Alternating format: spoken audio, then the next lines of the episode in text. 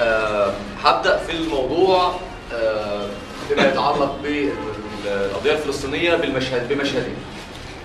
مشهد الجماهير العربية المنتشده في الميادين ضد الأنظمة العربية في الوقت الحالي ومشهد الجماهير الفلسطينية المنتفضة في الانتفاضه الفلسطينية الأخيرة سنة 2000 لأنه دول لهم علاقة ببعض.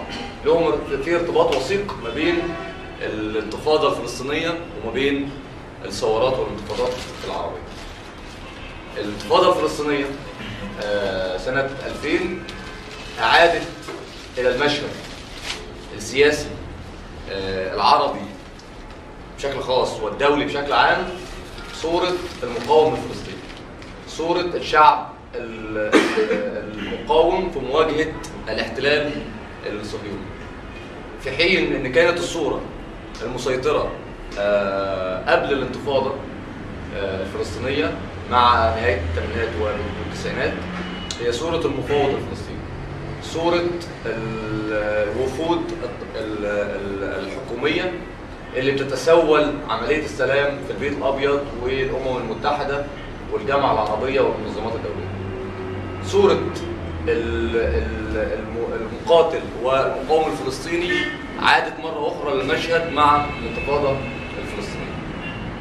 آه، وبعودة الجماهير للساحة طرحت تساؤلات في كل المنطقة العربية لأنها طرحت حركة في المنطقة العربية.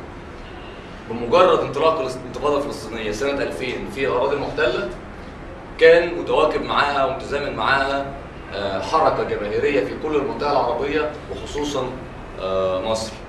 آه، تحديدا وكلنا أو يعني أغلبنا كان يمكن شارك في المظاهرات دعم الشعب الفلسطيني والانتفاضة الفلسطينية في سنة آه، 2000 آه، في هذا المشهد ظهرت تساؤلات كتيرة جدا. داخل داخل مصر. وكان بيتجاوب على التساؤلات دي بإجابات آه، متنوعة ومختلفة. آه، كان السؤال ال- الأول حوالين طبيعة الصراع العربي الصهيوني الصراع ده طبيعته إيه بالظبط؟ آه، خلفيته إيه بالظبط؟ السؤال الثاني كان بيتكلم حوالين موقف الأنظمة العربية من الانتفاضة موقف الشعوب العربية من الأنظمة العربية في علاقة هذه الأنظمة بالإدارة الأمريكية والإمبريالية العالمية والصهيونية. وكان في تساؤل تاني متعلق بحل هذا الصراع. كيف آه، آه، آه، ما هي طريقة حل الصراع العربي الصهيوني كل الأسئلة دي كان عليها إجابات. كانت إجابات مختلفة جدا ما بين القوى السياسية اللي موجودة على الساحة في مصر وفي فلسطين. الأنظمة العربية والسلطة الفلسطينية رفعت شعار السلام خيار استراتيجي في مواجهة الانتفاضة. ده كان شعار مبارك آه، آه، وملك الأردن وعرفات وكل الأنظمة العربية وبشار الأسد وكل الأنظمة العربية إنه السلام بالنسبة لهم خيار استراتيجي في ال العدوان أو في مواجهة ال- الانتفاضة الفلسطينية وحاولوا بكل الطرق لخلق الانتفاضة وتوقيف الانتفاضة الفلسطينية. الإسلاميين أو الإسلاميون في مصر وفي المنطقة العربية رفعوا يعني شعار آه، المسلمين في مواجهة اليهود وده اترجم في شعار أساسي كلنا كنا بنسمعه يتردد حوالين خيبر خيبر يا يهود جيش محمد سوف يعود أو بدأ يعود. آه، ده كان الشعار الأساسي للإسلاميين في الوقت ده وعلى رأسهم طبعا جماعة البنطلون شعار المشتركين الثوريين كان من أول لحظة في الانتفاضة الفلسطينية علشان نحرر القدس لازم نحرر مصر أو الطريق لتحرير القدس يبدأ من القاهرة. دي كانت الإجابات المبسطة على آه، بعض على الأسئلة المطروحة واللي كانت بتعبر عن رؤية كل طرف من دول في حل الصراع العربي السوري. أنظمة واخدة طريق استسلامي آه، تحت شعار السلام خيار استراتيجي. إسلاميين متبنين الصراع باعتباره صراع ديني أزلي آه، ما بين المسلمين واليهود. آه، وهو صراع ديني حوالين السيطرة على القدس والمقدسات الإسلامية في فلسطين. والاشتراكيين الثوريين كانوا متبنيين شعار الشعوب العربية المضطهدة. ومن ضمنها الشعب العربي الفلسطيني في مواجهة الأنظمة العربية الرأسمالية المتحالفة مع الإمبريالية الأمريكية والعدو ال- الصهيوني وإنه شايفين إنه تحرير الأراضي الفلسطينية مش هيحصل إلا بثورات عربية يقودها العمال والفلاحين والمضطهدين إلى جانب الشعب الفلسطيني في مواجهة الإمبريالية والأنظمة والصهيونية. آه، وعلى هذا الأساس آه، يعني بيبقى مدخلنا في في الموضوع هو تفسيرنا للسؤال الأولاني هو طبيعة الصراع. آه، طبيعة الصراع العربي الصهيوني. هل هو صراع ديني أزلي آه، زي ما هو مطروح من آه، الاسلاميين ولا هو حاجة ثانية؟ وهنا بنتناول في أول نقطة مسألة المسألة اليهودية ونشأة الصهيونية العالمية. الإسلاميين شايفين إن ده صراع ديني. والصهيونية العالمية بتحشد قواها وبتحشد اليهود في على مختلف أنحاء العالم برضه على أساس ديني. آه، ولكن في حقيقته هو آه، آه، آه، أهدافهم مختلفة أو يعني يعني ما هياش آه، أهداف آه، دينية وهنوضح ده دلوقتي. تحت شعار أمة اليهود أو آه، شعب الله المختار أو آه، يعني كل الشعارات اللي اترفعتها الصهيونية آه، العالمية وكانت أعلنت إنه إنه اليهود دول شعب متميز آه، ومترابط أيا كان مكانه وعلى مر العصور وإن هو أمة واحدة آه، مضطهدة وخلاصها الوحيد إن هي تعيش مع بعض وما ينفعش تتعايش مع آه، شعوب تانية ولا مع أي أديان تانية. في الحقيقة الماركسية والكتاب الماركسيين وضحوا آه، خطأ هذا الشعار أو تدليس هذا الشعار بالأحرى اللي كانت رفعها الصهيونية العالمية آه، في هذا هذا الوقت. وكان من من أكثر الناس اللي كتبت في الموضوع ده وكاتب ماركسي إبراهام آه، ليون حوالين آه، المساله اليهودية ونشأة الصهيونية. آه، ردا على ال- ال- الدعاية الصهيونيه اللي كانت بتقول إنه آه، آه، استمرارية الثقافه اليهودية والترابط الاجتماعي ما بين اليهود آه، عبر العصور إنه له أسباب دينية وخصوصية متعلقة خصوصية عرقية متعلقة بالشعب اليهودي. وقال لأ إنه دي آه، منعدمه الصلة بأساس ديني وإن هي بالأساس لها علاقة بال- بال- بالدور الاجتماعي والاقتصادي لليهود تاريخيا في أوروبا وفي العالم. آه، خصوصا في عصر في ال- الإقطاع وما قبل ال- الإقطاع.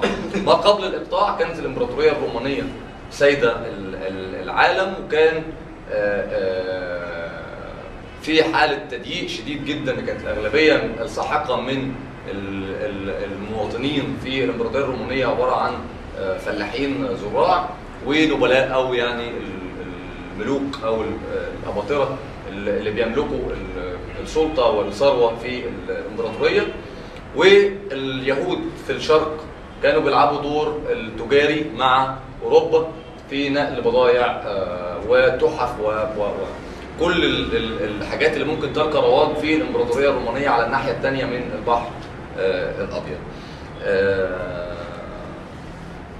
وفي عصر الإقطاع اليهود كان لهم نفس الوظيفة بس مع توسع شوية إن هم كانوا بيلعبوا دور دور وظيفي مهم جدا هو وظيفة التجار في ال- ال- العصر الإقطاعي اللي كانت برضه الغالبية العظمى من ال- المواطنين الأوروبيين فلاحين والأرض آه، مملوكة لكبار الاقطاعيين في الإمبراطوريات الإقطاعية في أوروبا. آه، الدور ال- التجاري ده لليهود كان آه، بيعمل وظيفتين آه، أساسيتين أو بيشتغل مع آه، آه، يعني فئتين اساسيتين. الفئه الأولانية هي الطبقات الحاكمة الأوروبية الاقطاعيه اللي كانت داخلة في حروب مع بعضها وكان كل آه، ملك أو قيصر أو حاكم بيحتاج إلى تمويل للجيش علشان يدخل بيه حرب توسعية. كان اليهود واليهود المرابين في الوقت ده بيقدموا ال- الدعم والتمويل اللازم للقياصرة والملوك علشان يمولوا ال- العمليات الحربية. في نفس الوقت كانوا اليهود بيمولوا أو بيقرضوا الفلاحين الأوروبيين علشان يسددوا الضرائب للدولة. يعني كانت ال- ال- الدول الإقطاعية أو الامبراطوريات الإقطاعية بتضغط بشدة على الفلاحين المعدمين بال- من الأساس وكمان عليهم أعباء ضريبية كبيرة كانوا بيحتاجوا يسددوها فكانوا بيضطروا إن هم يقترضوا بعض الأموال من اليهود التجار لتسديد الضرائب دي للدولة وكان في نفس الوقت الحكام بيستعينوا باليهود لتمويل العمليات الحربية في حروبهم مع ال- الدول الأخرى أو الحروب التوسعية اللي كانوا بيدخلوها. من هنا اليهود كانوا جماعة متميزة عن ال- ال- الطبقات اللي موجودة في المجتمع. هم مش فلاحين زراع في الأرض معدمين. وما هماش ملوك ولا قياصرة بيحكموا العالم ولا آه، هم آه، يعني آه، إقطاعيين بيمتلكوا أراضي واسعة. هم تجار. وده زي ما أطلق عليهم ليون إن هم شعب وطبقة. يعني هم كأنه كأنهم كشعب بيمثلوا طبقة جديدة في في في في المجتمع. وجود اليهود في الحالة دي خلاهم تحت ضغط الهبات الفلاحية والانتفاضات الفلاحية اللي حصلت في أوروبا نتيجة الاضطهاد الشديد آه، في الوقت ده من قبل الاقطاعيين والطبقات الحاكمة إن هم يبقوا عرضة للهجوم المباشر من الفلاحين. لأنه كان الفلاح اللي بيعاني من الفقر وال- وال- والجوع والاستغلال في الأراضي الإقطاعية كمان كان عنده مشكلة مع القروض اللي بياخدها مع من. ده كان بيخليهم محل لهجمات الفلاحين. على الجانب الآخر ال- ال- الطبقات الحاكمة كانت بتضحي باليهود آه، اولا لل- للتخلص من ديونها اللي هي خدتها من اليهود متعلقة بال- بالقروض التمويل الحرب وتقديمهم كبش فدا للانتفاضات الفلاحية اللي كانت بتظهر من وقت للتاني في في أوروبا. من هنا ظهر آه، آه، شعور بالاضطهاد الشديد سواء على المستوى الشعبي ال- ال- الفلاحي أو عن طريق السلطات أو ال- ال- ال- الطبقات الحاكمة آه، في الدول الأوروبية. مع التطور اللي حصل في النظام الرأسمالي بدأت تظهر إلى جانب طبقة التجار اللي متشكلة بالأساس من اليهود طبقة تجار أخرى آه، إلى جانبها من المسيحيين يعني في في آه، آه، وبقى في منافسة ما بين ال- التجار دول والتجار دول على مين اللي يبقى عنده نفوذ وسيطرة أوسع على السوق وعلى التجارة وبدأت تظهر ال- ال- ال- النزعة أو ما يسمى بمعاداة السامية في في أوروبا. آه، وده كان على خلفية وأرضية المنافسة ما بين التجار اليهود والتجار المسيحيين آه، في الوقت ده إنه المسيحيين كانوا عايزين يزيحوا أو على الأقل ياخدوا مساحة أوسع من ال- اليهود في التجارة آه، والسيطرة على ال- ال- الأموال في أوروبا. مع التوسع الرأسمالي بدأت فئة التجار دي الميزات ال- أهميتها في المجتمع تقل بسبب الطر- الطبقات نفسها اختلفت. ما بقاش عندنا نبلاء وإقطاعيين وفلاحين. المجتمع الرأسمالي أوجد طبقة عاملة وأوجد مؤسساته المالية في نفس الوقت. وأو وأوجد رأسماليين تجار آه، آه، آه، يقدروا يقوموا بعملية ال- التجارة. من هنا بدأ الشعب الطبقة ده أو ال- المجموعة المتميزة دي في المجتمع تنصهر داخل المجتمع الأوروبي إن قطاع منها نزل للفلاحين للعمال والفلاحين الأساس للعمال آه، قطاع كبير منهم انضم لصفوف الطبقة العاملة يعني كعمال في المصانع وجزء منهم بقى برجوازي آه، كبير آه، رأسمالي أو برجوازي صغير آه، في ال- التقسيم الطبقي داخل المجتمع ال- الأوروبي. آه، ومن هنا يعني ال- التقوقع أو التمترس حوالين إنه شعب اليهود ده آه، يتفتت مع النمو النمو الرأسمالي. ده كان حاصل في أوروبا الغربية بالأساس في إنجلترا وفرنسا والى حد ما في ألمانيا ما كانش بنفس الدرجة في أوروبا الشرقية لأنها كانت متخلفة اقتصاديا آه، والطبقات الحاكمة آه، هناك بسبب آه، آه، الظروف الاقتصادية وتخلفها الاقتصادي كانت بت- بتقوم بعمليات اضطهاد واسعة لليهود آه، والتضحية بيهم في ال- الانتفاضات الفلاحية المختلفة وما قدروش إن هم يتفتتوا أو يعيشوا داخل المجتمع في أوروبا ال- ال- الشرقية بسبب إنه المجتمع في أوروبا الشرقية ما كانش تطور نفس التطور الراسمالي اللي حصل في آه، أوروبا أوروبا الغربيه. ال- العوامل دي من رحم ال- ال- المعادات السامية والتمدد الاستعماري بتاع الدول والامبراطوريات الأوروبية بدأت تظهر الفكرة الصهيونية بتاعه إنه إحنا عايزين نجمع اليهود آه، حول العالم وننفصل عن كل الشعوب دي اللي بتضطهدنا من الشرق إلى الغرب ونشكل دولة آه، دولة اليهود. آه، وكان في الوقت ده بدأت تظهر الأفكار المتعلقة بالدولة القومية وفي نفس الوقت الأفكار المتعلقة بالإمبريالية والحروب التوسعية اللي كانت آه، بدأت في آه، أوروبا بعد الثورة الصناعية. ونتيجة الشعور الشديد بالاضطهاد من اليهود و آه، فقدان الأمل في إن هم يتعايشوا مع المجتمعات الأوروبية خصوصا في أوروبا الغربية آه، بدأ ال- التيار بتاع ال- ال- التيار القومي لليهود أو الصهيونية يلقى مجال للشغل والتأييد في وسط ال- ال- الشعب الشعب اليهودي أو اليهود آه، حوالين آه، العالم. وكانت بتطرح بشكل أساسي إنه اليهود من حقهم أو هدفهم إن هم يعملوا تنظيم اجتماعي وسياسي منفصل عن بقية التنظيمات الأوروبية، إحنا لنا دعوة بالطبقة العاملة الأوروبية في الغرب ولا لنا دعوة بالفلاحين في الشرق آه، الأوروبي، إحنا آه، شعب مترابط متجانس بيربطوا الدين بيربطوا آه، القومية ال- اليهودية. فإحنا ننظم نفسينا في تيار منفصل عن كل الأشكال السياسية منفصل عن كل الأشكال الاجتماعية اللي موجودة في أوروبا. ونعمل ال ال ال طيب يعني كيان يضمنا كيهود آه، بعيد عن المجتمعات آه، اللي بتضطهدنا. آه، وده كان ال ال ال ال ال عبر عنه مؤسس الصهيونية تيودور هيرتزل في المؤتمر الأول للصهيونية اللي انعقد في بازل في سويسرا في سنة 1897 اللي أخذ اتجاه لإقامة دولة ال- اليهود في آه، في هذا ال- الوقت. وقال إنه إنه معاداه السامية دي شيء أزلي وصراع تاريخي ما بين اليهود وكل الشعوب حوالين العالم وإنه لا حل ولا أمل إلا باستقلال اليهود في وطن آه، يضمهم بعيد عن كل شعوب الأرض اللي آه، بتضطهدهم.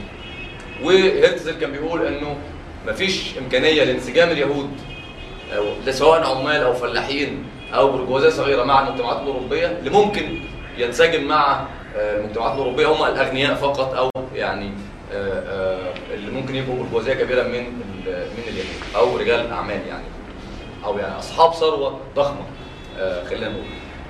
دول اللي ممكن ينخرطوا مع المجتمعات الأوروبية لكن بقيه شعب اليهود ده محتاج مكان لوحده كده آه، بعيد عن الناس دي ويقعد آه، فيه. آه، وفي نفس الوقت كان هرتزل والمنظمة الصهيونية العالمية اللي انشئت في, هذا الوقت كانت آه، بتحاول بشتى الطرق إن هي تفصل ال- اليهود وفي اللحظة وفي الوقت ده كان بدأت انه يبقى في قطاع من من اليهود آه، كانوا عمال في ال- في المصانع إن هي آه، تفصلهم عن الحركة الاشتراكية الثوريه في أوروبا. آه، وكانت بتشوف إن ده خطر على المشروع الصهيوني آه، بشكل كبير.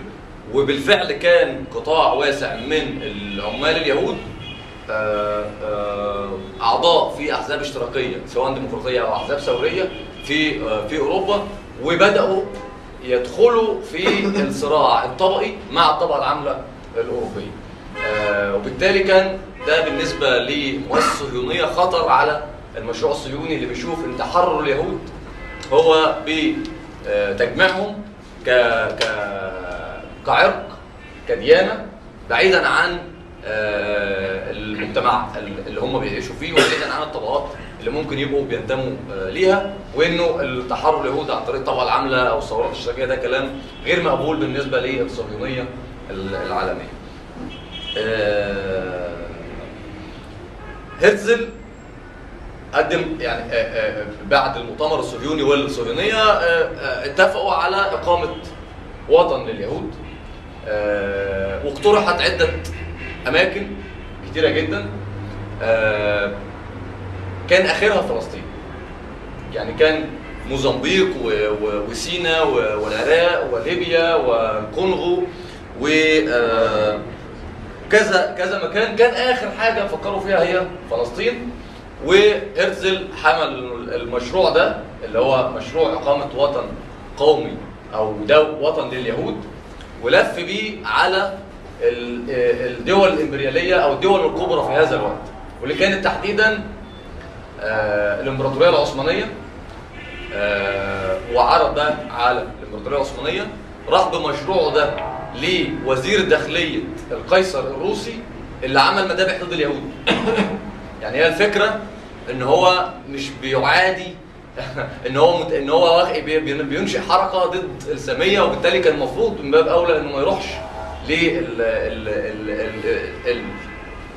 الإمبرياليات أو الدول الكبرى اللي هي بالأساس بتذبح اليهود ده ده لف بمشروعه ده على كل الطبقات الحاكمة كل الحكام اللي كانوا بينظموا مذابح ضد اليهود. راح لبريطانيا وراح ل آه، آه، آه، ألمانيا و بالتالي ده بيقول إنه الأسطورة بتاعت إنه اليهود ال- ال- ال- الاحتلال الصهيوني لفلسطين كان من أجل القدس ده كلام فارغ. لأنه من بدايه الحركة الصهيونية ما كانش هدفها خالص لا فلسطين ولا القدس. كان الاسماء المطروحة بعيدة كل البعد عن اختيار تاريخي أو ديني متعلق بفلسطين آه، تحديدا وكان الأمر كله متوقف على مين من القوى الإمبريالية هيقبل ويساند ويدع- ويدعم وينشئ هذا الكيان آه، أو هذا الوطن للحركة الصهيونية ال- ال- العالمية باعتبارها يعني بت- بتعبر عن ال- اليهود.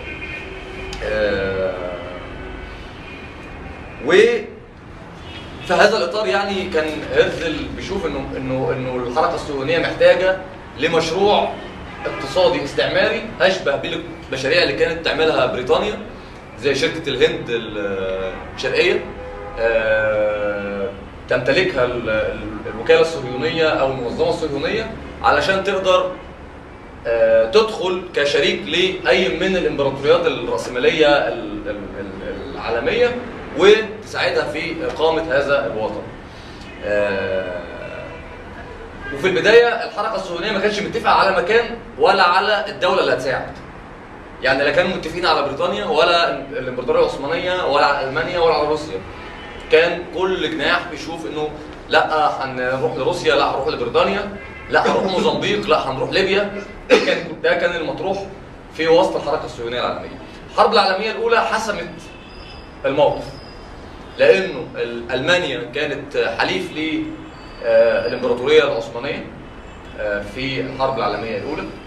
وفلسطين كانت جزء من الإمبراطورية ولاية من ولايات الإمبراطورية العثمانية. فكان التقدم بالمشروع لألمانيا اللي هي حليف للإمبراطورية العثمانية كان أمر صعب جدا. آه، وألمانيا ممكن ما تقبلش هذا الأمر.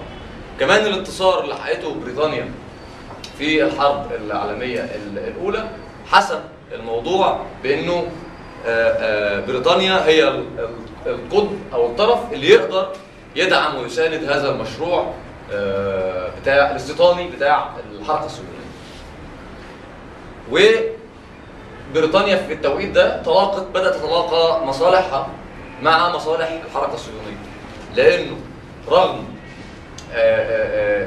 السيطرة البريطانية على منطقه الشرق الأوسط إلا إنه في الفترة دي تحديدا ومع ال ال ال وبعد الحرب كانت بادية تظهر آه، ثورات وطنية في مصر وفي الشام تحديدا.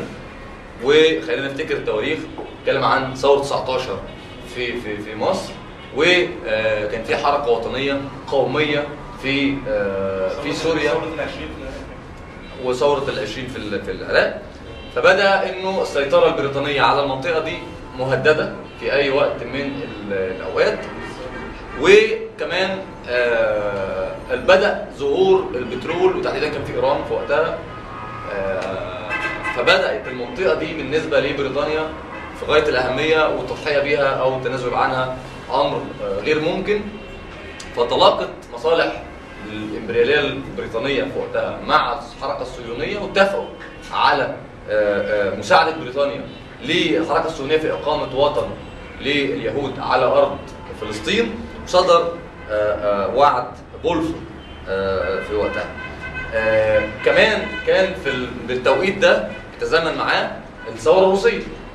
الثورة الروسية في فبراير سنة 17 وتأثيرها على الشعوب ال- الأوروبية والطبقات الطبقات العامله الأوروبية وانتقالها لالمانيا وبريطانيا نفسها آه، فبدأ إنه ال ال الحركة العمالية والثورات العمالية بتهدد كمان الطبقات الحاكمة الأوروبية.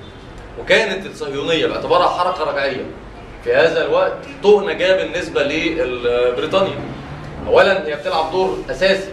في آه، إخراج العمال اليهود اللي هم كانوا قطاع عريض سواء في الأحزاب الثورية أو في آه، وسط الحركة العمالية إخراجهم وبرة الصراع الطبقي وإدخالهم في موضوع الصراع الديني أو ال- ال- ال- الصهيوني ال- ده واستخدام ده ك- بدعاية دعاية كدعاية جوه الطبقة العاملة لتفتيت ال- العمال آه، عشان ما يهددوش الطبقات الحاكمة الأوروبية. آه، فمع ثورات وطنية في المنطقة العربيه والثورة الروسية اللي انتقلت آه، بشرارتها لأوروبا آه، وتأثيرها على الطبقة العامة الأوروبية كانت الحركة الصهيونية بالنسبة لهم آه، يعني نقطة لاستخدامها آه، كحركة رجعية في مواجهة ال- الحركة الطبقة العامة الأوروبية وفي نفس الوقت آه، كحامي لمصالح بريطانيا في مصر وفي منطقة الشرق الأوسط آه، بشكل عام آه، في مواجهة حركات التحرر الوطني.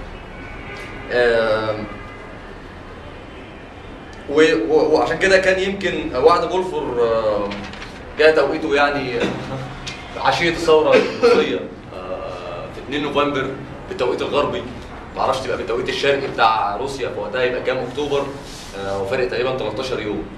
فكان يعني تقريبا الوعد جاي مع ال- ال- ال- الثورة الروسية آه، تحت طيب بالنسبة للحركة الصهيونيه وعلاقتها بالجماهير الشعب الشعب اليهودي آه، كانت عاملة إزاي؟ يعني التأييد اللي كان للحركة الصهيونية في وسط اليهود رغم كل القمع والاضطهاد اللي كان واقع عليهم كانت آه، تأييد ضعيف جدا وضئيل جدا وده يعني آه، عبر عنه وايزمان وده الراجل الثاني يعني في الحركة الصهيونية إنه آه، وع- وعد بولفور كان مبني على الهوى إحنا إحنا آه، بريطانيا وعدتنا بوطن بس في الحقيقة يعني مفيش حد يحمل الوطن ده.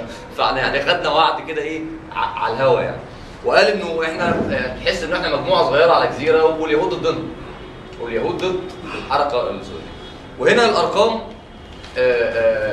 مهمة في الموضوع ده. يعني مثلا في موضوع هجرة اليهود من أوروبا تحديدا أوروبا الشرقية تحديدا بسبب الاضطهاد الواسع هناك آه، من 1880 لحد سنة 1929 كل الفترة دي هاجر من من أوروبا الغربية آه، الشرقية حوالي 4 مليون يهودي منهم 120 ألف راحوا على فلسطين و3 مليون والأكثر الباقيين 3 مليون راحوا على أمريكا الشمالية والباقيين راحوا دول تانية فبنتكلم عن عدد يعني لا يقارن من اليهود اللي اختاروا آه، فلسطين وطن آه، أو اختاروا الصهيونية كمعبر عن الشعب اليهودي أو اليهود في حول العالم. آه، لكن الهجرة لفلسطين بدأت تزيد بعد وعد بلفور ورغم كل الزيادات اللي حصلت في الهجرة لحد سنة 27 كان عدد اليهود اللي موجودين على أرض فلسطين 150 ألف يهودي وشكلوا 16% من تعداد آه، السكان على الأراضي الفلسطينية.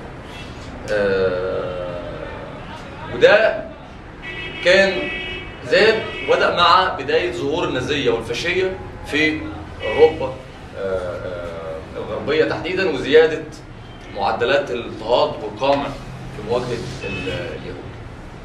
آه، وعشان كده كان موقف الاشتراكية الثورية من أول لحظة الوقوف ضد معاداه السامية. ووقوف ضد آه، ال- ال- الحركات والأحزاب اللي اللي بتعادي ال- ال- السامية.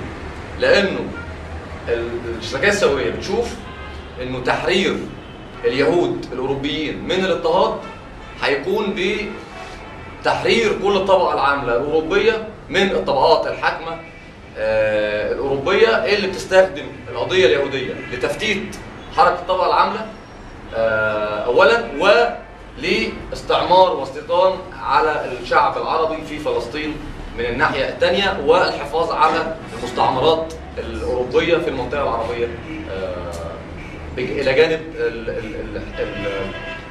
اضطهاد ال- الطبقة العاملة الأوروبية. آه، وف- وفي الإطار ده لما نبص على علاقة اليهود بالطبقات العاملة الأوروبية خصوصا مثلا ولو بصينا أوروبا الشرقية روسيا ال- اليهود العمال اليهود كانوا مؤسسين رابطة اسمها رابطة العمال اليهود اسمها البوند آه، بتدافع عن العمال اليهود في مواجهة ال- ال- الرأسمالية الروسية. هم كانوا جزء من ال- الحزب الاشتراكي الديمقراطي ال- ال- الروسي لكن كان لهم آه، آه، كيان خاص اسمه البوند أو ال- ال- رابطة العمال ال- اليهود. آه، وده طبعا لأن اليهود أكتر ما قمعوا قمعوا في روسيا تحديدا وارتكب ضدهم مذابح كثيرة جدا. لما نبص نلاقي إنه البوند بعد ال- الانتفاضة في أكتوبر الثورة الروسية حلوا رابطه العمال ال- اليهود واندمجوا تماما في وسط الحزب ال- ال- البلشوفي آه، واقتنعوا تماما كل اقتناع إنه تحريرهم مش هيحصل ابدا كيهود إلا بتحرر الطبقة العاملة من الطبقات آه، الحاكمة. وكان لينين وتروتسكي من اللحظة الأولى مع تأسيس البوند كان ضد إنه يبقى فيه تنظيم سياسي أو نقابي مستقل للعمال اليهود في الثورة ال- الروسية أو في ال- الحزب البولشوفي. كان طول الوقت الكلام حوالين إنه يندمج ال- التنظيم ده في وسط الحزب البولشوفي مع بقية العمال في السوفيتات آه، وعشان كده بنلاحظ إنه كتير من القيادات اللي كانت على رأس الحركة الثورية في روسيا كانوا يهود. يعني تروتسكي وكامينيف وزينوفيف. وسفردلوف كانوا يهود. كانوا قيادات للحركة الاشتراكية الثورية في روسيا. وكانوا قيادات للحكومة السوفيتية اللي جت بعد انتصار آه، ثورة أكتوبر. آه، من هنا إن فكره إن ال- اليهود جميعا حول العالم شايفين ومقتنعين ومؤمنين ان إن هم لهم حق تاريخي في فلسطين. وإنه تا- وإن هم حلهم وتحريرهم مش هيتم غير إن هم ياخدوا هذا المكان ويعتبروه وطن ويقيموا فيه ويبقى ده خلاصهم من ال- الاضطهاد ده كلام مش حقيقي سواء على اللي حصل في آه، روسيا أو الطبقات اللي كانوا آه، جزء الطبقة العاملة الأوروبية أو حتى اللي هاجروا تحت ضغط ال- العنصرية وال- والاضطهاد إلى أمريكا وكندا وبعض دول العالم وما عرفوش على على فلسطين. آه، وده بيدحض تماما فكرة إن الصراع ديني أزلي ما بين المسلمين واليهود وانه اليهود طمعانين في القدس وكل اليهود في حوالين العالم هم أعداء للمسلمين وكل اليهود في العالم الصراع ما بيننا صراع وجود آه, آه بيننا وبين الكيان الصهيوني صراع وجود. بس بيننا وبين اليهود مفيش صراع وجود. يعني إحنا مش عايزين نقتل كل اليهود حوالين العالم علشان نحل القضية الفلسطينيه ولا آه آه إنه اليهود في كل كل اليهود حوالين العالم شايفين إنه وجودهم في فلسطين وسيطرتهم على القدس وعلى آه، حائط المبكى اللي هو حائط البراق يعني آه، إن ده هو آه، آه، السبيل الوحيد لتحريرهم من الاضطهاد. آه، النقطة الثانية كنا بنتكلم فيها عن فلسطين. آه، بعد ال- الهجرة ال- ال- الصهيونية آه، في فلسطين قبل نكبة آه، 48 كان آه، التركيبة السكانية بتاعتها 80% منها فلاحين. والأرض كانت آه، موزعة آه، لصالح أقلية آه، من ال- الأرستقراطية القطاعية يعني اللي بتمتلك الأرض. يعني كان 250 أسرة بيمتلكوا آه، أراضي قد بقية السكان 250 أسرة فقط بيمتلكوا أراضي تساوي كل الأراضي اللي بيملكها سكان فلسطين قبل ال- ال- النكبة. آه، والعائلات أو الأسر دي كانت بتلعب دور في الصراع السياسي آه، في الدولة في المكان ده في فلسطين مع ال- الانتداب البريطاني أو مع الاحتلال البريطاني. والحقيقة إنه العائلات المالكة الفلسطينية اللي كانوا عيلتين أو ثلاثة كبار بيتنافسوا على السيطرة السياسية وتقديم الولاء وال- والطاعة للاحتلال البريطاني للحصول على مكاسب أكبر ال- الحسيني والنشاشبي وكان عيلة كمان آه، خالديه خالدين أو حاجة كده. المهم آه، كانوا هم اللي مسيطرين على الثروة وعلى الأرض الموجوده في فلسطين وكانوا آه، في حالة صراع دائم مين اللي آه، ياخد ال- الولاء أو ياخد ال- الرضا المندوب السامي البريطاني في آه، فلسطين. ومن هنا كان في صراع ما بين هذه العائلات المالكة على مين يقدر يقدم أكتر تنازلات للمندوب السامي البريطاني عشان يحصل منه على امتيازات سياسية واقتصادية.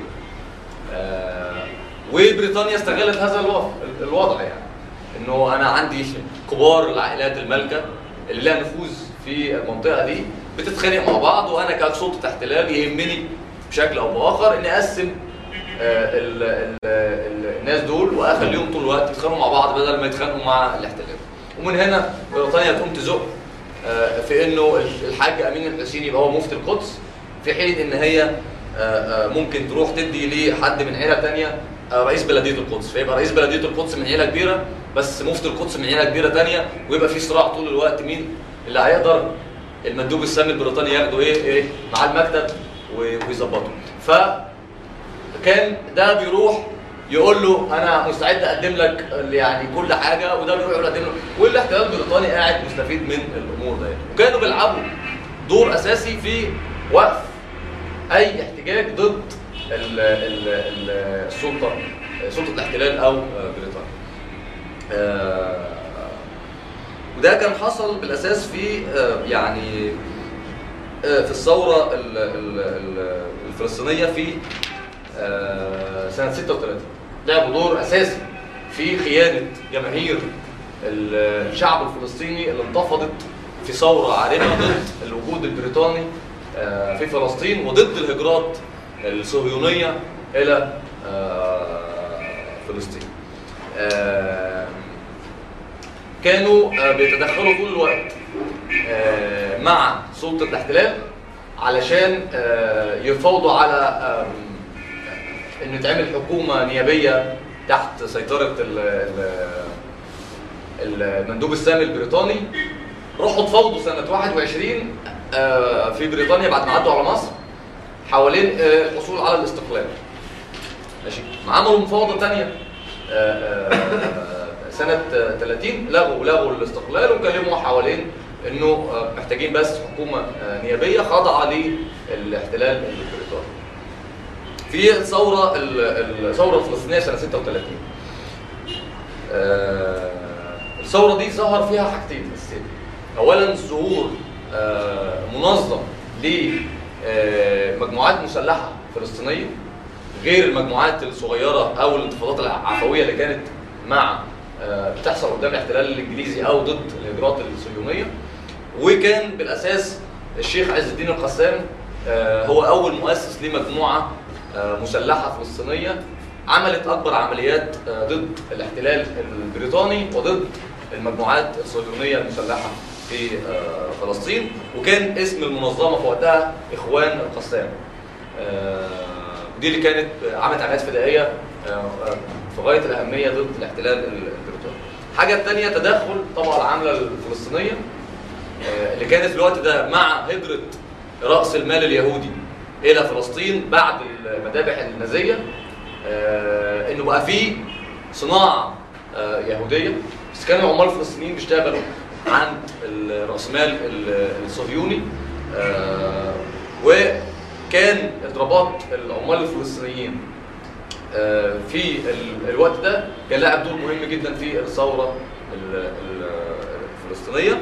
شكلت العائلات ال- ال- الكبيرة اللي هي طول الوقت بتحافظ على مصالحها حاجة اسمها اللجنة العربية العليا وكانت بتعارض تماما العنف والإرهاب يعني وكانت بتطلب من الدول العربية التدخل علشان توقف انتفاضة أو ثورة سنة 36 يعني الأردن تحديدا ومن مصر انه يتدخلوا مساعدتها في عمليات التفاوض مع الاحتلال الإنجليزي وإن هم يهدوا الانتفاضة في آه، في فلسطين.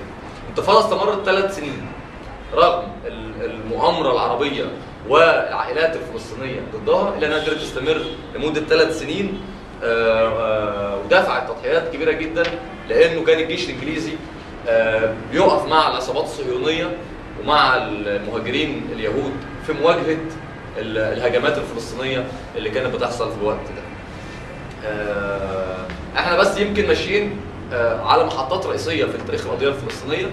آه، وهنا هدخل على ال- الانتفاضة الثانية أو الانتفاضة الأولى بالاحرى يعني انتفاضة 87 آه، في في يعني طبعا في شكلت طبعا حصلت ال- النكبه واحتلت تم إعلان دولة إسرائيل على الأراضي ال- ال- المحتلة واتهزمت الأنظمة العربية ال- هزيمه ساحقه وكمان ال- ال- الرجعية بتاعه ال- ال- العائلات بتاعه فلسطين الكبيرة معظمها هاجر بأمواله لأن دول كان معاهم عندهم فرصة يهاجروا ويعيشوا كويس راحوا على دول الخليج أو على دول آه، عربية بالأموال بتاعتهم وسابوا فقراء الشعب الفلسطيني في مواجهة عصابات الهجانه وفي مواجهة ال- التهجير القسري من القرى. آه، سواء إلى الدول العربية المجاورة أو إلى الضفة وال- والضفه والقطاع. آه، أنا اللي ممكن أشير ليه في موضوع انتفاضة 87 هو متعلق أساسا ب ندخل منه بعد كده على آه، آه، آه، الموقف الحالي يعني إنه الجماهير الفلسطينية آه، آه، قامت بانتفاضه آه، ضخمة جدا ضد إسرائيل سنة 87 وكانت طبعا العاملة العمال الفلسطينيين اللي بيشتغلوا في المصانع الإسرائيلية امتنعوا عن الذهاب للمصانع دي. وكانت المصانع الإسرائيلية بتعتمد عليهم لحد كبير جدا في الشغل والمحلات التجارية ووسائل النقل وال وال والمواصلات وغيرها من القطاعات اللي في فلسطين دخلت في إضرابات. عن ال- العمل وبدأت يبقى في مواجهات عنيفة جدا مع الصهاينة اللي موجودين في كل الضفة الغربية وفي وفي قطاع آه، غزة. و آه، تم يعني إحياء لدور المواطن الفلسطيني والمقاوم الفلسطيني في مواجهة ال- الاحتلال. انتفاضه 87 حصل فيها حاجتين. اولا بروز ال- الحركات المقاومة الإسلامية خصوصا حماس. كانت لعبت دور آه، في الانتفاضة وخفوت آه، آه، نجم قوة ال- اليسار أو فتح تحديدا بعد الأخطاء التاريخية والكنسيه في الحقيقة اللي ارتكبتها بعد يعني فترة الخمسينات والستينات تحديدا في فترة الستينات بعد هزيمة 67 يعني اولا فتح كانت في الأول منظمة صغيرة حركه صغيرة موجودة في في الأردن آه، اتأسست آه، في وقت في الستينات يعني في منتصف الستينات واكتسبت شعبيتها في معركة تسمى معركة الكرامة بعد هزيمة الأنظمة العربية في 67 في في الأردن. آه، 300 آه، مقاوم فلسطيني كانوا بينتموا أغلبهم لحركه فتح. قدروا إن هم يصدوا هجوم إسرائيلي واسع جدا 15000 جندي أو أكتر كانوا بيحاولوا إن هم يدخلوا الأردن وتصدوا ليهم وكان أول أول انتصار عربي بعد الهزيمتين هزيمة النكبة وهزيمة 67 ال- ال- ال- ال- الواسعة يعني. فبدأ يظهر للشعب الفلسطيني في الداخل وفي وفي المخيمات إنه في بديل لمقاوم شعبي بدل الاعتماد على ناصر في مصر أو على حزب البعث في العراق وفي سوريا وإنه الشعب الفلسطيني يقدر يقاوم فعلا والاعتماد على الأنظمة العربية اللي اتهزمت في ست ساعات دي واتكسرت كلها واحتلت أرضها آه، ما بقاش هو الخيار وإن الخيار دلوقتي إن الشعب الفلسطيني يدافع عن أرضه سواء في الضفة أو في ال- في المخيم. آه، لكن كانت في الازمه الحقيقية بتاعت فتح ومنظمة التحرير اللي هي رفعت شعار عدم التدخل عدم التدخل في الشؤون الداخلية للأنظمة العربية أو الحكومات العربية.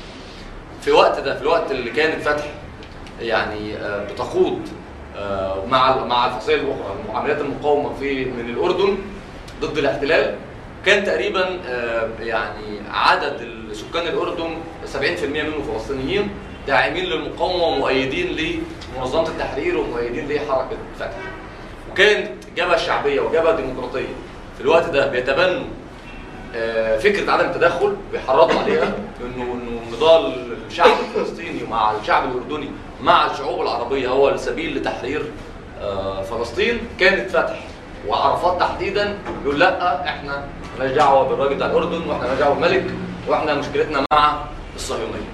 ده أدى فعلا إنه آه، الملك حسين طبعا انه إنه في الوقت ده فتح والمقاومة الفلسطينية اللي كانت آه، واخدة تأييد شعبي عربي رهيب لأنه الأنظمة اتهزمت في الحرب. استيلائهم على السلطة في الأردن وجعل الأردن هي ظهير شعبي مقاوم للضفة الغربية كان في غاية الأهمية بالنسبة لمشروع المقاومه لكن عرفات صمم إنه لا إحنا مش هنتدخل فيه وإن في فصل كامل إنه معركتنا مع الصهيونية معركتنا مش مع الأنظمة العربية الرجعية والعميلة وال- ومصلحتها مع الصهيونية إحنا هنخلينا مع إسرائيل. اتنظم آه، آه، ضد إسرائيل. آه، يعني مواجهه إسرائيل ف ملك الأردن الملك حسين نظم مذبحة وصف التل ضد المقاومة الفلسطينية بالجيش ال- بالجيش الأردني وطردت المقاومة من الأردن وراحت على لبنان تحديدا في الجنوب اللبناني. وبرضو عرفات تبنى في في في لبنان سياسة عدم التدخل وإن كان كانت منظمة التحرير بتدعم بعض الفصائل اليسارية في مواجهة جيش الكتايب اللي كان بدأ ساعتها ينظم عمليات ضد المقاومة. آه، فدي كانت الرؤية، رؤية إنه ال- الصراع مع الصهيونية منفصل عن صراع الأنظمة العربية مع مع الحكومات ومنفصل عن انه إنه في في علاقات ما بين الأنظمة دي وما بين الإدارة الأمريكية وما بين ال- الصهيونية. آه، وده خطأ آه، تاريخي دفعت ثمنه المقاومه الفلسطينية آه، آه، آه، كتير جدا. عاد عرفات مرة أخرى مع انتفاضة 87 من تونس آه، آه، علشان يبني ثمار الانتفاضة. آه،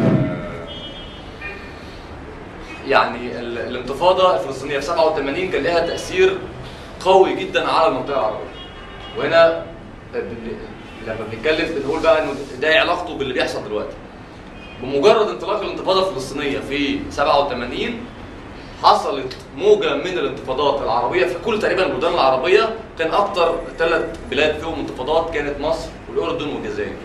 الجزائر والأردن طبعا صدروا المشهد لأن الجزائر كان فيها انتفاضة آه، عمالية واجتماعية قوية جدا سنة 88 تم قمعها بالدبابات بتاعت الجيش الجزائري في حين أن عرفات راح اتصور مع الرئيس الجزائري بن جديد ماشي؟ واستضافه في ال في ال في, مكان من منظمه منظمة التحرير وقدمه باعتباره صديق الانتفاضة.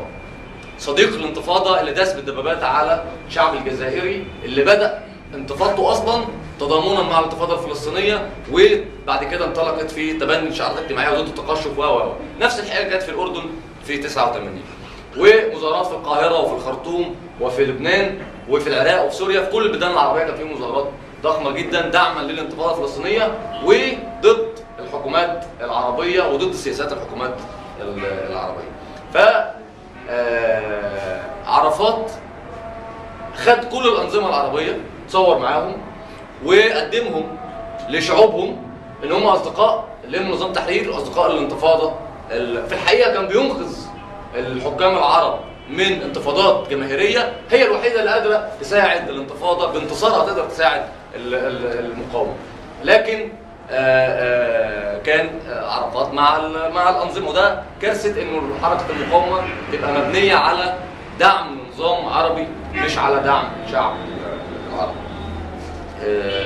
ولعب دور مهم كمان في إنه يضغط على الجبهة الشعبية وعلى الجبهة الديمقراطية في الأردن تحديدا إن هم ما ما يحرضوش ضد النظام الأردني في انتفاضة 89 إنه أوعوا تطلعوا بيانات ضد النظام الأردني أو تربط ما بين النظام الأردني وما بين الصهيونية. ده كان يعني دور عرفات اللي خرج من من الانتفاضة اللي طبعا قاومت لحد كبير وعلى حسب يعني كلام السيدات يعني من فلسطين إنه عشان يقدروا يكملوا الانتفاضة كانوا ستات فلسطين زي المصريين كده بيحتفظوا بذهب وحاجات زي كده. فلأن العمال الفلسطينيين كانوا معتمدين أصلا في أكل عيشهم على العمل في الداخل في المصانع الصهيونية. فكان عشان الانتفاضة تقدر تستمر باعوا الذهب بتاعهم عشان يقدروا يعيشوا ويكملوا الانتفاضة الفلسطينية. بس طبعا مع خيانة السلطة الفلسطينية والأنظمة العربية الانتفاضة ما قدرتش تكمل لكن خرجت لمسار التفاوضي الاستسلامي اللي بدأه عرفات مع أسلو عرفات راح أسلو وخد حاجتين مهمين جدا. خد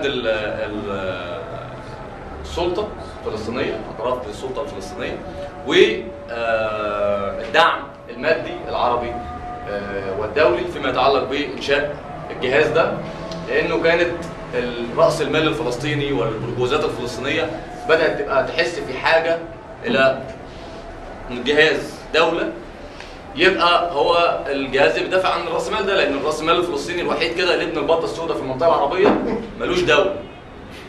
يعني هو صحيح في الكويت وصحيح في في في, في الخليج بس في الآخر ما عندوش كيان سياسي تعبير سياسي جهاز دولة يدافع عنه في مواجهة أي مشاكل ممكن تحصل في التنافس مع الرسميات الأخرى فكان في احتياج الاحتياج لجهاز دوله يرعى بقى المصالح بتاعة رأس المال الفلسطيني دي ونفضها سيرة من قصة اللي الانتفاضة والمقاومه. أسست السلطة الفلسطينية على الضفة والقطاع اللي 10% من الضفة هي بتسيطر عليها السلطة يعني أو حاجة زي كده. مساحات يعني صغيرة جدا يعني والباقي بيسيطر عليه إسرائيل. و عرفات بقى عمل سلطة فيها ما شاء الله أجهزة أمنية أكثر من الموجوده في مصر، جهاز الاستخبارات العسكرية في دولة ما فيهاش جيش وجهاز الأمن الوقائي والقوه 17 وبمعدل 40000 جندي عسكري يساوي يعني إيه خمس لكل 50 مواطن فلسطيني عسكري من السلطة حراسة. وكان دورها الأساسي اعتقال وتعذيب وقتل كل حد فكر في المقاومة من الضفة الغربية وقتها وقت سيطرتهم على قطاع غزة. كان ده برضو بيسري على قطاع غزة. وبدا حملة لتصفية المقاومة والدخول في نفق أوسلو مدريد كامب ديفيد. يعني خلينا نقول إنه ملحق يعني أول خمس سنين في السلطة الفلسطينية كان عنده 500 معتقل من المقاومين في الضفة الغربية. وكان عنده محكمة أمن دولة عليا يعني في محكمة أمن دولة ومفيش دولة. و مش بس كمان كانت سلطة قمعية وبتوقف المقاومة وبتعادل المقاومة كمان كانت سلطة فاسدة. يعني رسوم حرامية. ياسر عرفات يعني عنده حساب خاص في إسرائيل تحت مسمى صندوق الثاني اللي هي الأموال اللي بتج- بتجمع اسرائيل بتاعة الغاز وبتاعة الضرايب ومش عارف إيه بسبب سيطرتها على الضفة. كانت بتتحط في أموال باسم عرفات اسم شخصي عرفات في آه، إسرائيل. و آه، آه، في حي اسمه حي الرمال في غزة وقت السيطرة الكاملة يعني للسلطة على في قصور وفيلات وشاليهات. وكان بيروحوا طبعا أبو مازن وبيروح أبو ردينا ونبيل شعث كل رجاله السلطة يعني كانوا بيروحوا هناك كده في غزة يستجموا. آه، وكان الشعب الفلسطيني مسحوق في غزة وفي الضفة من الفقر الشديد جدا وكانت المعونات اللي بتيجي من من الغرب أو من من الدول العربية والخليج تحديدا كانت بتروح في الفساد للسلطه الفلسطينيه. فالسلطه بالأساس هي مشروع معادي للمقاومة. أي مشروع تحرري في فلسطين أول حاجة لازم يعملها هو يولع في منظمة التحرير الفلسطينية والسلطه الفلسطينية. يعني سلطة بهذا الفساد وهذا القمع وهذا العداء ليه؟ وهذه الأخطاء التاريخية اللي عملتها في حق الشعب الفلسطيني هي آه، ألف ب الموقف من الصهيونية هو يساوي الموقف من أبو مازن بشكل متساوي تماما جرائم اللي عملها أبو مازن ووجوده آه، آه، وعدائه للشعب الفلسطيني لا يقل عن عدائه عداء الشعب الفلسطيني للصهيونية وللاحتلال الصهيوني.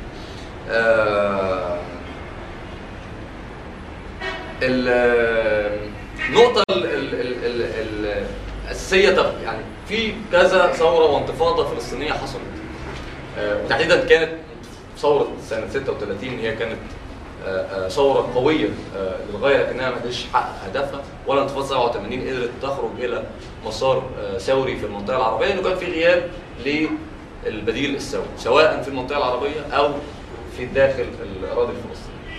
آه، وكان داخل الفلسطيني متبني شعار آه، عدم التدخل والمنطقة العربية ما كانش فيها أحزاب آه، ثورية تتبع يعني لا في الجزائر في 88 ولا في الأردن آه، 89 ولا في مصر طبعا وقت ال- التضامن مع الانتفاضة في بداية الثمانينات أو نهاية الثمانينات. في الحقيقة إنه في في الإطار ده يعني كانت آه، ال- الفتح رفع شعار عدم التدخل كانت الجبهة الشعبية والجبهة الديمقراطية رافعين شعار التدخل في آه، في شؤون الأنظمة العربية وتحريض الشعوب العربية على ال- ال- الانتفاض ضد الأنظمة العربية باعتبار إنه هم الظهير الشعبي لل- للثوره الفلسطينية. آه، ودعوا لربط النضالات الاجتماعية العمالية في الدول العربيه بالنضال ضد الصهيونية ومقاومة الصهيونية في المحتله. لكن ال- الجبهة الشعبية والجبهة الديمقراطية كانوا متأثرين إلى حد كبير جدا بالأفكار القومية والأفكار الاستالينية آه، في هذا الوقت. يعني كانت الجبهة الشعبية بتقسم الأنظمة العربية إلى فريقين. أنظمة رجعيه عميلة وأنظمة وطنية مقاومة. وده كان يخلي الجبهة آه، يعني بتشوف إنه تأييد أو دعم النظام الناصري أو آه، البعثي أو آه، أي نظام عربي ليها. ده دعم من نظام وطني في مواجهة ال- ال- الصهيونية. ودي كانت خطأ أساسي وتاريخي لأنه لا النظام البعثي كان نظام وطني. ولا إن ده الطريق أصلا لتحرير فلسطين الاعتماد على الأنظمة ال- ال- ال- الطب- والطبقات الحاكمة العربية اللي مصالحها ومصالح الخليج مرتبطة بالامبرياليه الأمريكية وبعضها مرتبط بالصهيونية بشكل آه، مباشر وإنه آه، الطريق أو الخيار بتاع الارتباط المباشر بالثورات العربية أو بالشعوب العربية ده كان غير مطروح آه، آه، آه، وقتها آه، بشكل آه، مباشر. آه، وكان تبني أفكار الاستالينية متعلقة باحتياجنا لثورة وطنية ديمقراطية في المنطقة العربية وفي فلسطين ثم آه، ال- الحديث عن ثورة اشتراكيه بمعنى إنه لن تتبنى لا الجبهه الديمقراطية ولا الجبهة الشعبية فكرة الثورة الاجتماعية الشاملة لتطيح بالأنظمة الرأسمالية والطبقات الحاكمة العربية كطريق لتحرير فلسطين من ال- الاحتلال ال- الاحتلال الصهيوني. آه، طبعا الجبهه الديمقراطيه تبنت مواقف أكثر يمينية بعد كده من الجبهة ال- من الجبهة الشعبية وبدأت تقدم تنازلات متعلقة بقبول الشراكة وإنه الشعب الفلسطيني شعب واحد وهكذا آه، بشكل آه، بشكل كبير. النقطة اللي أنا كنت نسيت أقولها بس في النص لا كان لازم أقولها من بدري هي دور ال- ال- العمال أو اليسار الصهيوني. آه، اليسار الصهيوني والعمال الصهاينة آه، لعبوا ادوار أساسية ومباشرة في مواجهة الانتفاضة الفلسطينية وفي مواجهة الثورة الفلسطينيه. يعني في الوقت الإضراب العام اللي كانوا بيعملوه الفلسطينيين كان الاستدرود اللي هو تنظيم بتاع العمال اليهود بيدعو العمال وبيشجع العمال على العمل ساعات إضافية لتعويض النقص اللي بيسببه إضراب لم يرى العمال اليهود اللي هم عمال صهاينة في أي وقت من الأوقات إن تحررهم من الاستغلال هو مرتبط بالعمال الفلسطينيين بأي شكل من الاشكال إنه بالعكس كانت طول الوقت بيشوفوا مصلحتهم مع ال ال ال النظام الصهيوني مع الصهيونية آه، بالأساس. فأي كلام بيتقال أو بيطرح حوالين اليسار الصهيوني أو اليسار الإسرائيلي أو ال- الحركة في في في إسرائيل ده آه، لا يمكن إحنا كشباب سيدنا نعول عليه. آه، ابدا دول مجتمع متشبع عن اخره بير صهيونية بالعكس المصالح حتى المادية بتاعة العامل اليهودي مرتبطة بالصهيونية. انه إنه حمايته وحماية مصالحه مرتبطة بشكل أو بآخر بالإمبريالية وبدعم الامبريالي ليه وبالحروب اللي بتعملها اسرائيل على الشعب الفلسطيني وحتى التشريد اللي ممكن تعمله آه، ال- الدولة الصهيونية للعمال الفلسطينيين. فدول بالنسبة لنا مش هيفرقوا كتير عن وبالمناسبه هو معظمه كله شعب مجند في الجيش وكذا. هو يعني غالبا مش واحد فيهم ما قتلش يعني. حد من الفلسطينيين. فطيب إحنا شايفين انه تحرير ال- ال- المنطقة دي من العدو الصهيوني ومن الإمبريال الأمريكية مش هيتم إلا بتحرير كل المنطقة العربية من الطبقات الحاكمة. باطاحه بالطبقات الحاكمة العربية في مصر وفي ال ال كل الدول العربية. لأنه في ارتباط مباشر ما بين المصالح الرأسمالية كل الرأسماليات العربية ودول الخليج بالامبريال الأمريكية وبالصهيونيه ولا يمكن بأي شكل من الأشكال إن الناس دي تتبنى أي مشروع مقاوم في ال- المصالح الأمريكية أو في مواجهة ال- ال- الصهيونية. فبالتالي الإطاحة بهذه الأنظمة هو الطريق الوحيد لتحرير الأرض المحتلة. عشان ده يحصل لابد انه حتى ال- ال- الفصائل المقاومة في الأرض المحتلة تبقى متبنية وجهة هذا هذه وجهة النظر انه الثورة الفلسطينية جزء من الثورة العربية.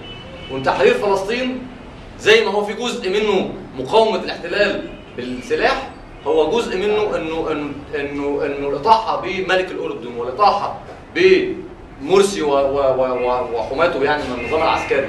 وبقية الأنظمة العربية هو السبيل الوحيد لتحرير الأرض.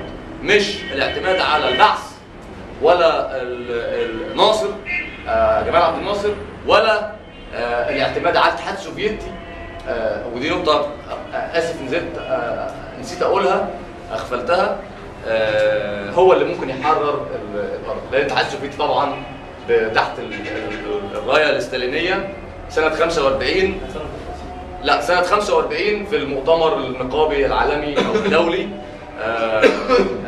اعترف بال بال بال بالوفود الصهيونية وبعت وزير خارجيته لتل أبيب أو للقدس حتى و آه، آه، شاف شاف إنه إنه دي أكتر دولة ديمقراطية في المنطقة وإنه العرب متخلفين وكذا كان على لسان وزير الخارجية السوفيتي وقتها.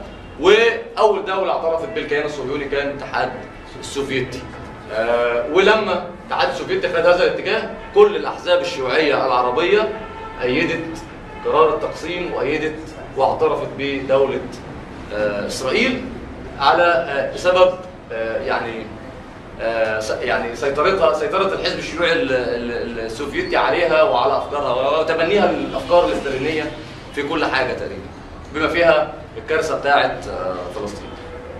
ال- الأخيرة اللي أنا كنت بتكلم عنها ال- علاقة بقى الثورات العربية بال- بالشعب السوري.